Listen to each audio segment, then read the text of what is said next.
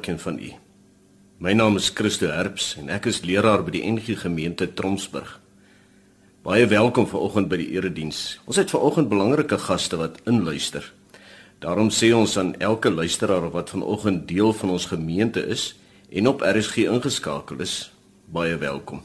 Die NG Gemeente Tromsburg is in 1898 gestig en het 'n deurleefde geskiedenis waarin 'n muur vol predikantportrette as behangsels teen die mure deur die jare versamel is. Die gemeente bestaan uit ongeveer 240 belydende lidmate en 'n handjievol dooplidmate. Wanneer 'n mens nou kerkwees in sy volle omvang wil beleef, moet jy 'n draai in hierdie dorp kom maak en 'n stuk gasvryheid en verdraagsaamheid aan jou lyf kom proe. Die gemeentelede is ondersteunend betrokke by mekaar en vernaam rondom ons met elkeen wat ons pad kruis.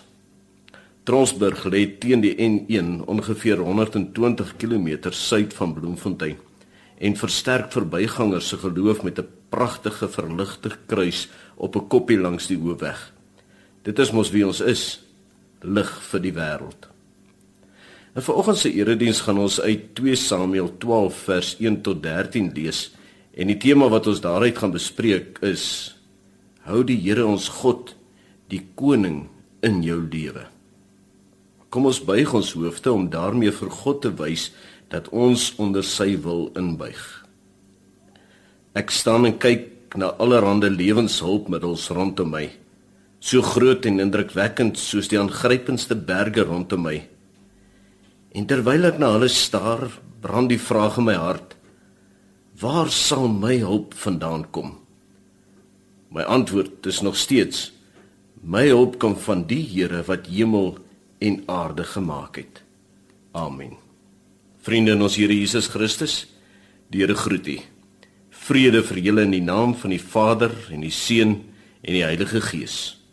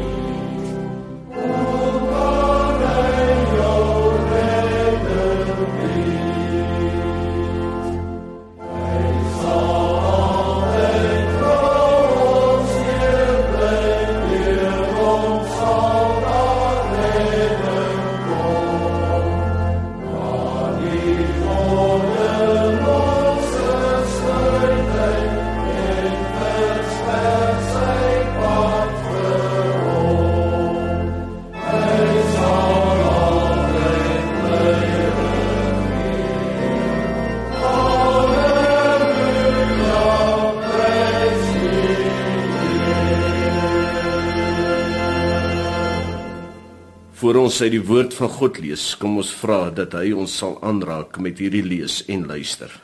Vader, wanneer ons nou u troon nader, is dit met 'n opgewonde vrees van opwinding om aan u voete te kom sit en sommer net u teenwoordigheid op te slurp. Bewend bewus van 'n grootheid en teenwoordigheid in my lewe, kom sit ons rondom u Met die begeerte van 'n klomp klein kindertjies storm ons as ware na U toe met 'n brandende begeerte om deur U geseën te word. Met ons oë vasgenaal op U mond om elke woord in te drink wat U vanoggend vir ons wil deel.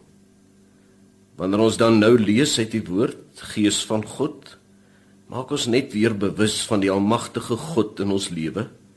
Leer ons, Vader, om aan U ons lewens toe te vertrou.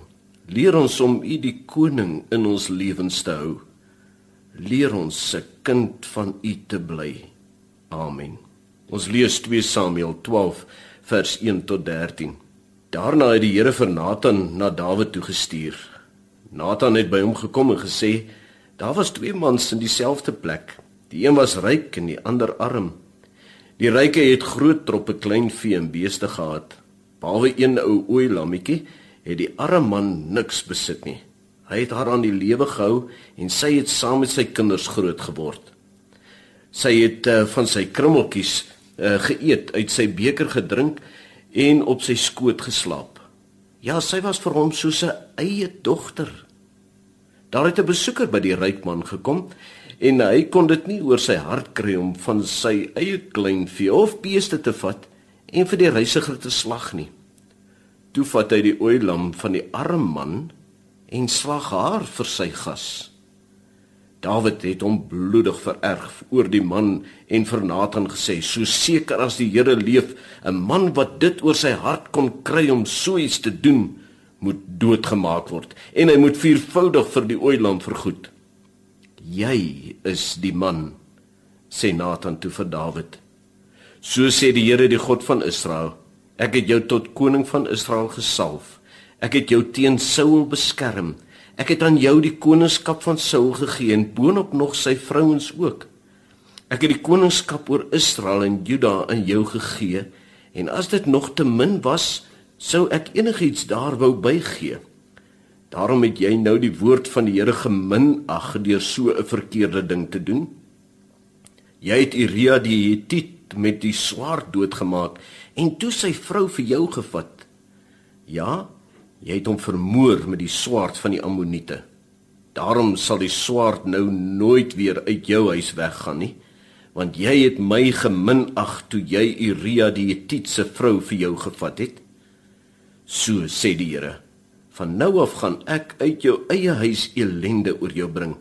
Ek sal jou vrouens voor jou oë vat en aan iemand anders gee. Hy sal by jou vrouens slaap openbloot, want jy het 'n ding in die geheim gedoen maar ek sal alles oop en bloot voor die hele Israel doen. Toe sê Dawid vir Nathan: Ek het gesondig teen die Here. En Nathan sê vir hom: Die Here het jou sonde vergewe. Jy sal nie nou sterwe nie. Hou die Here ons God, die koning in jou lewe. Ek vertel eers vir julle 'n stukkie van 'n verhaal. Raphael, die wêreldberoemde kunstskilder, se onsterflike skildery, die Sistynse Madonna, is in die paleis vertoon voordat hy dit as geskenk aan die koning van Dreden gegee het. Dit is na die troonkamer geneem sodat dit daar aan die koning vertoon kon word. Daar was groot opgewondenheid in die paleis. Die probleem was egter om die mees geskikte plek vir die skildery te vind. Die lig, die agtergrond, die gordyne, Alles moes perfek wees om die skildery in sy volle heerlikheid te vertoon. Na baie gewik en geweeg blyk dit dat die enigste en die beste plek ongetwyfeld was waar die troon gestaan het. Maar 'n mens skuif mos nie sommer die troon nie. Dis tog vir die koning alleen. Toe tree die koning na vore en nou ja, wat sal 'n koning met die plek maak wat net vir hom gereserveer is? Ek wonder. Kom kyk vir 'n oomblik saam met my na ons verhaal oor Dawid. Jy onthou mos hoe Dawid op die dak van sy paleis rondgestap het. Dit was een lenteoggend toe die konings begin optrek het om oorlog te maak teen ander volke en stede. Maar koning Dawid is nie saam met sy manne nie. Hy is in 'n ontspanne luim want sien, hy kan. Hy is die magtige koning van Israel. Terwyl hy daar op die dak staan en uitstaar oor die natuur, sien hy 'n vrou wat besig was om te bad en sy was vir Dawid baie mooi. Dawid het haar laat roep sodat hy beter kennis kon maak. Een ding lei tot die ander en toe blyk dit dat Batseba swanger geraak het met Dawid se kind. Dawid besef dat hy uh, nou spoedig vir Uria haar man van die slagveld af moet terugkry. Want dit moet lyk of dit Uria se kind kan wees. Sy planne werk toe mos nie. En om sy eie eer te beskerm, moes Uria in 'n aanval strategies so geplaas word dat hy kon sterf. Dit alles om Dawid se eer te beskerm. Hoekom het Dawid so ver gegaan? Wel, want hy kon. Hy was die magtige koning wat sê en dan moes dit gebeur. Dawid wat groot besluit op sy eie kon neem en dit moes deurgevoer word, die koning van sy koninkryk. Ken jy vir koning Dawid? Kyk, hier is nou vir jou 'n man wat 'n paar oorwinnings en aangrypende invloede op die wêreld op sy muur van aandenkings kan laat breek. Ons het nou 'n bietjie tyd daaraan kon spandeer om van sy groot veldslae in herinnering te roep. Ons sou 'n paar ander indrukwekkende verhale oor hom kon deel as ons dit nou sou wou doen. Dis egter nie nodig nie, want ons ken vir Dawid. Kom ons sê die een ding vir mekaar. Dawid is in enige geselskap waardig om genoem te word. Dit moet sekerlik heerlik wees om so genoem te word, belangrik en vernaam. Die probleem daarmee is dat mens nogal later self so begin dink, sien? Wanneer alles vir jou wonderlik begin loop en ander jou prys, dan begin die lewe later net rondom jou draai. Alles wat gebeur, moet jou eers in ag neem en jou stempel moet op alles wees. Dan begin jy die besluite neem en net jy want dit is net jy wat kan ons kan nogal lekker ons mond uitwas oor ander mense se voorspoed wat soms tot 'n einde kom deur te sê ja dit het nou net te lank goed gegaan. Want dit is mos so. Wanneer ons lank voorspoed beleef vergeet ons die tye van afhanklikheid van gebroke wees en opkyk om hulp. Ons vergeet van tye van onsekerheid waarin ek tree vir tree in afhanklikheid van leiding en raad moes gee. Wanneer dit goed gaan en die lewe dan later net om myself draai, is dit net ek wat die besluite neem, net ek. Want ek kan mos. Kyk net my lys van welslae, sou ek saam met Dawid kon sê. As dit te lank goed gaan, raak ek soms so selfversekerd en onafhanklik in beheer. Soveel so dat ek ook op my paleis se dak rondwandel en soek na afleiding. Wanneer dit te lank goed gaan, raak ons so op ons eie ek en diself gerig. Paulus skryf in Romeine 5 oor 'n vreemde ding. Hy is van opinie dat ons bly moet wees oor swaar kry tye. Wel, ek hou nie van die swaar kry nie. Daarom is ek vreeslik versigtig vir die teks. Nie een van ons hou daarvan nie, maar As jy terugkyk oor jou lewe, dan besef jy die swaar kry tye was jou groeityd. Dis die tye wat jou gekeer het om te ontspoor. Dis die tye wat jou weerhou het van in jouself opgaan, 'n strooptyd. Die swaar kry tye was die tye wat jy bietjie gestroop geraak het van die ek in hoofletters. Daar is iets wat ons van die lewe moet verstaan.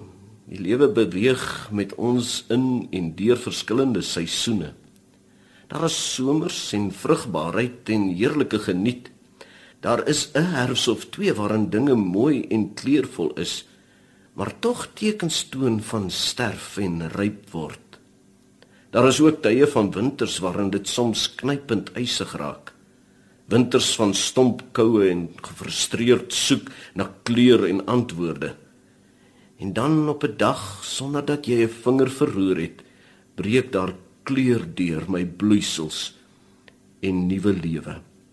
Wanneer jy op die kruin van 'n lieflike lente of somerseisoen van jou lewe staan en dink ek kan, is om te vergeet dat dit niks met jou te toedoen te maak het nie. Jy moet dit maar weet. Eintlik is dit net genade. Net soos die winter en herfs in jou lewe aanbreek met 'n pot vol genade volgens Paulus, net soos die lente en somerseisoene net genade. Prediker waarsku die mens om nooit terwyl hy nog lewe moet dink dat hy suksesvol is nie. Jy moet maar nederig end uit tot jou stoffelike hier vergaan uithou en aanhou. Dis net mense wat na jou sterfte iets sal kan sê oor jou sukses al dan nie. Herken dit. Die lewe gaan maar op en af met ons. Partykeer bo en goed en ander kere weer onder. Ons moet deeglik bewus wees van die seisoene in ons lewens. Die seisoene wat kom en gaan sonder dat ons 'n bydrae daartoe maak. Die rede daarvoor sodat ek voorberei kan wees vir wat met my gebeur. Wanneer ek onder is in die winter, dan vra ek nie vra nie. Wanneer ek bo in die hoogtyd van my somer is, dan raak ek nie arrogant oor my prestasies nie, want ek weet elkeen is 'n stuk genade op sy eie. Voordat ek by die groot genade insig kan kom, moet ek eers een belangrike besluit in my lewe neem. Die belangrike besluit wat ek moet neem is wie is die grootste in my lewe? En wanneer ek in verwondering voor God kon kom staan het en besef dat hy groter as enigiemand is, wanneer ek by die punt kon uitkom om te besef dat my lewe in sy hand is, dan moet ek daarop konsentreer en fokus om hom die grootste te hou. Wanneer ek besef dat hy die koning in my lewe is, dit beteken mos dat hy die een is wat my lewe regeer, dan hou ek hom koning in in en van my lewe. Ek neem nooit sy plek daarin nie. Dit is nie my plek nie. Dis God se plek. Dawid het dit nie gedoen nie. Hy het die grootste faktor in sy koninkryk geword. Hy kon doen net wat hy wil want hy kan. Die genade wat hy ontvang het, het nie meer vir hom genade gebly nie. Dit het in sy hart sy eie prestasie geword. En daarom het hy begin glo dat hy die hoogste en die geagste koning is van almal en van wie almal praat. As Nathan dan die groot woorde teenoor Dawid uitspreek, jy het God geminag verkrummel Dawid in sy grootheid weg. Hy besef met hierdie woord dat hy die troon van sy eie lewe betree het. Hy besef dat die Here van die troon afgeskuif het. En nou sê God hier vir Dawid: Jy het my nie meer geken nie. Jy het glad nie meer in afhanklikheid van my geleef nie. Jy het net in jou eie mag en krag en wysheid voortgegaan. In ons besige tegnologiese hoogsgeleerde wêreld moet ons dit vandag weer eens hoor. Versigtig om God te minag.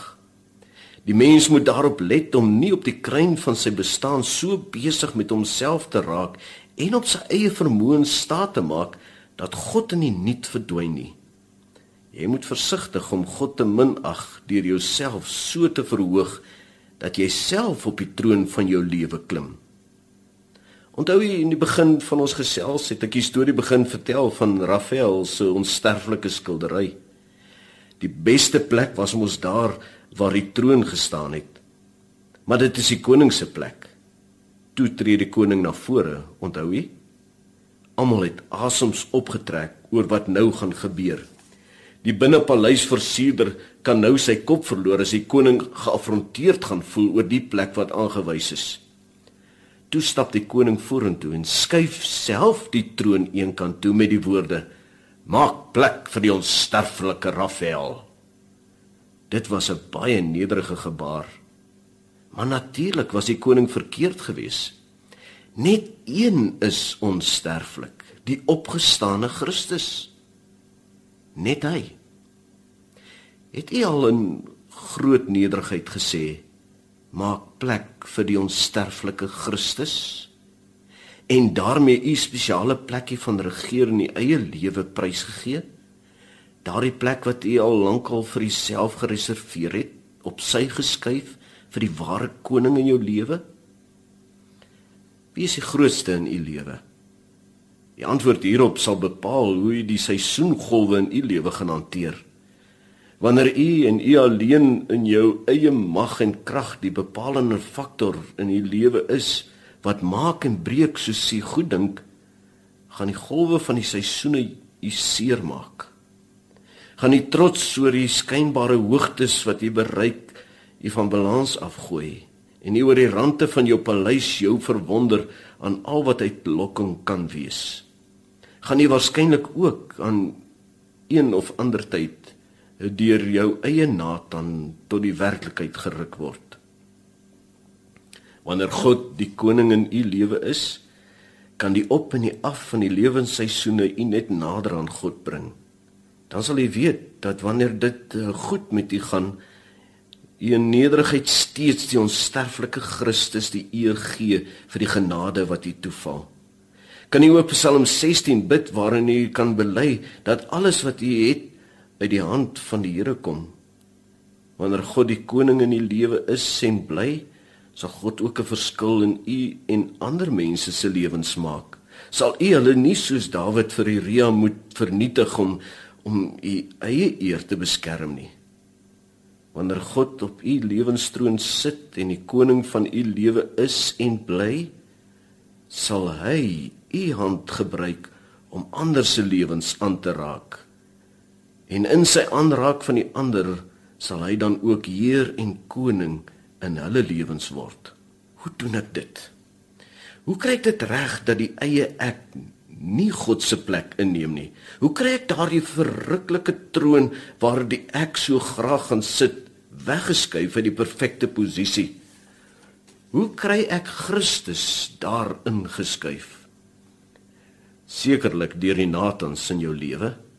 Daardie mense wat jou soms so in die oë kan kyk en jou weer tot jou sinne laat ruk. Ons het die Natans almal nodig. En terwyl ek hulle nodig het, is hulle soms die stok in my speke. En nie nodig het ons nie daardie tot stilstand kom nie. Dit is egter nie baie lekker wanneer 'n Nathan voor jou kom staan nie, want dan word ek gestroop van my eer en beheer. Wie sou dan ooit daarvan hou om in jou sokkies tot stilstand geruk te word omdat jy 'n grootheidswaan ontwikkel het? Dis nie lekker nie. Ons het sulke mense in ons lewens nodig. Die beter opsie om te neem is om gereeld voor God te buig en hom te erken as God en koning in jou lewe. Wanneer daar 'n skreefie van selfvoldaanheid in die lewe sigbaar word, om dan weer aan die voete van Jesus te gaan sit en te besef dat alles net genade is. Wanneer u so afhanklik van God bly leef, wanneer hy u wel en wee stuur in u afhanklike biddende opkyk in sy Vader oë, sal u ook die lewensseisoene kan deurloop. Dan sal u met vreugde altyd vir God eer en nooit minag nie. Leslie Weatherhead se woorde is treffend en mag dit dan ook jou lewe vol hê. Elke keer wanneer ek opstandig of rebels word, sinies of sarkasties, wanneer dit lyk asof kwaad die wêreld regeer of grootheid net deel is van hulle wat kan gryp, wanneer dit lyk asof geloof 'n bespotting geword het en nederigheid in die stof vertrap word wanneer die meegevoel bestempel word as swakheid en simpatie as dwaasheid wanneer egoïsme my dwing om myself te laat geld en my eie belang te dien gee dan o hemelse Vader dat ek die sagte storting van water in 'n skottel hoor en die seën van God voor my geestesoog sal sien besig om die voete van sy disippels te was. Dit is hoe U die Here ons God, die koning in U lewe hou. Wanneer jy saam met hom kniel en ander se voete was, hou die Here ons God knielend wassend aan ander se voete koning in U lewe. Vader, U wat genade in my nietige lewe kom saai. U ken my. U weet hoe ek op die genade roem. Hoe ek elke dag begin glo dat elke krieseltjie genade wat uit u hand na my toe val, my eie toedoen begin word het. Terwyl ek dan so op my troon sit en in my eie lewe regeer, maak my nou bewus van u grootheid. Herinner my aan u dade in my lewe. Maak my bewus van die perfekte posisie vir die onsterflike Jesus Christus in my lewe. Gees van God, gee my die insig om nederig die heersersposisie in my lewe aan U af te staan. Want Vader, alles wat ek is en wat ek het, kom van U af. U is my lewe. U is die koning in my lewe. Amen. Kom ons sing lied 508 vers 1 en 2. Want die rots staan vas in ons beheersentrum.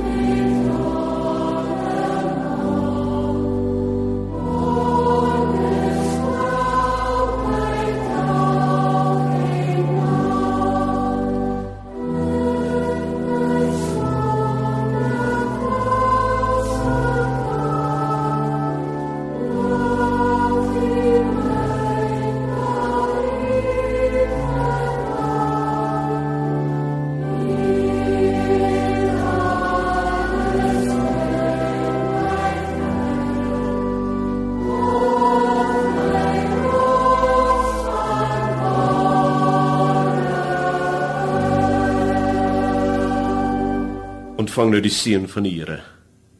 Mag die Vader u lei en beskerm.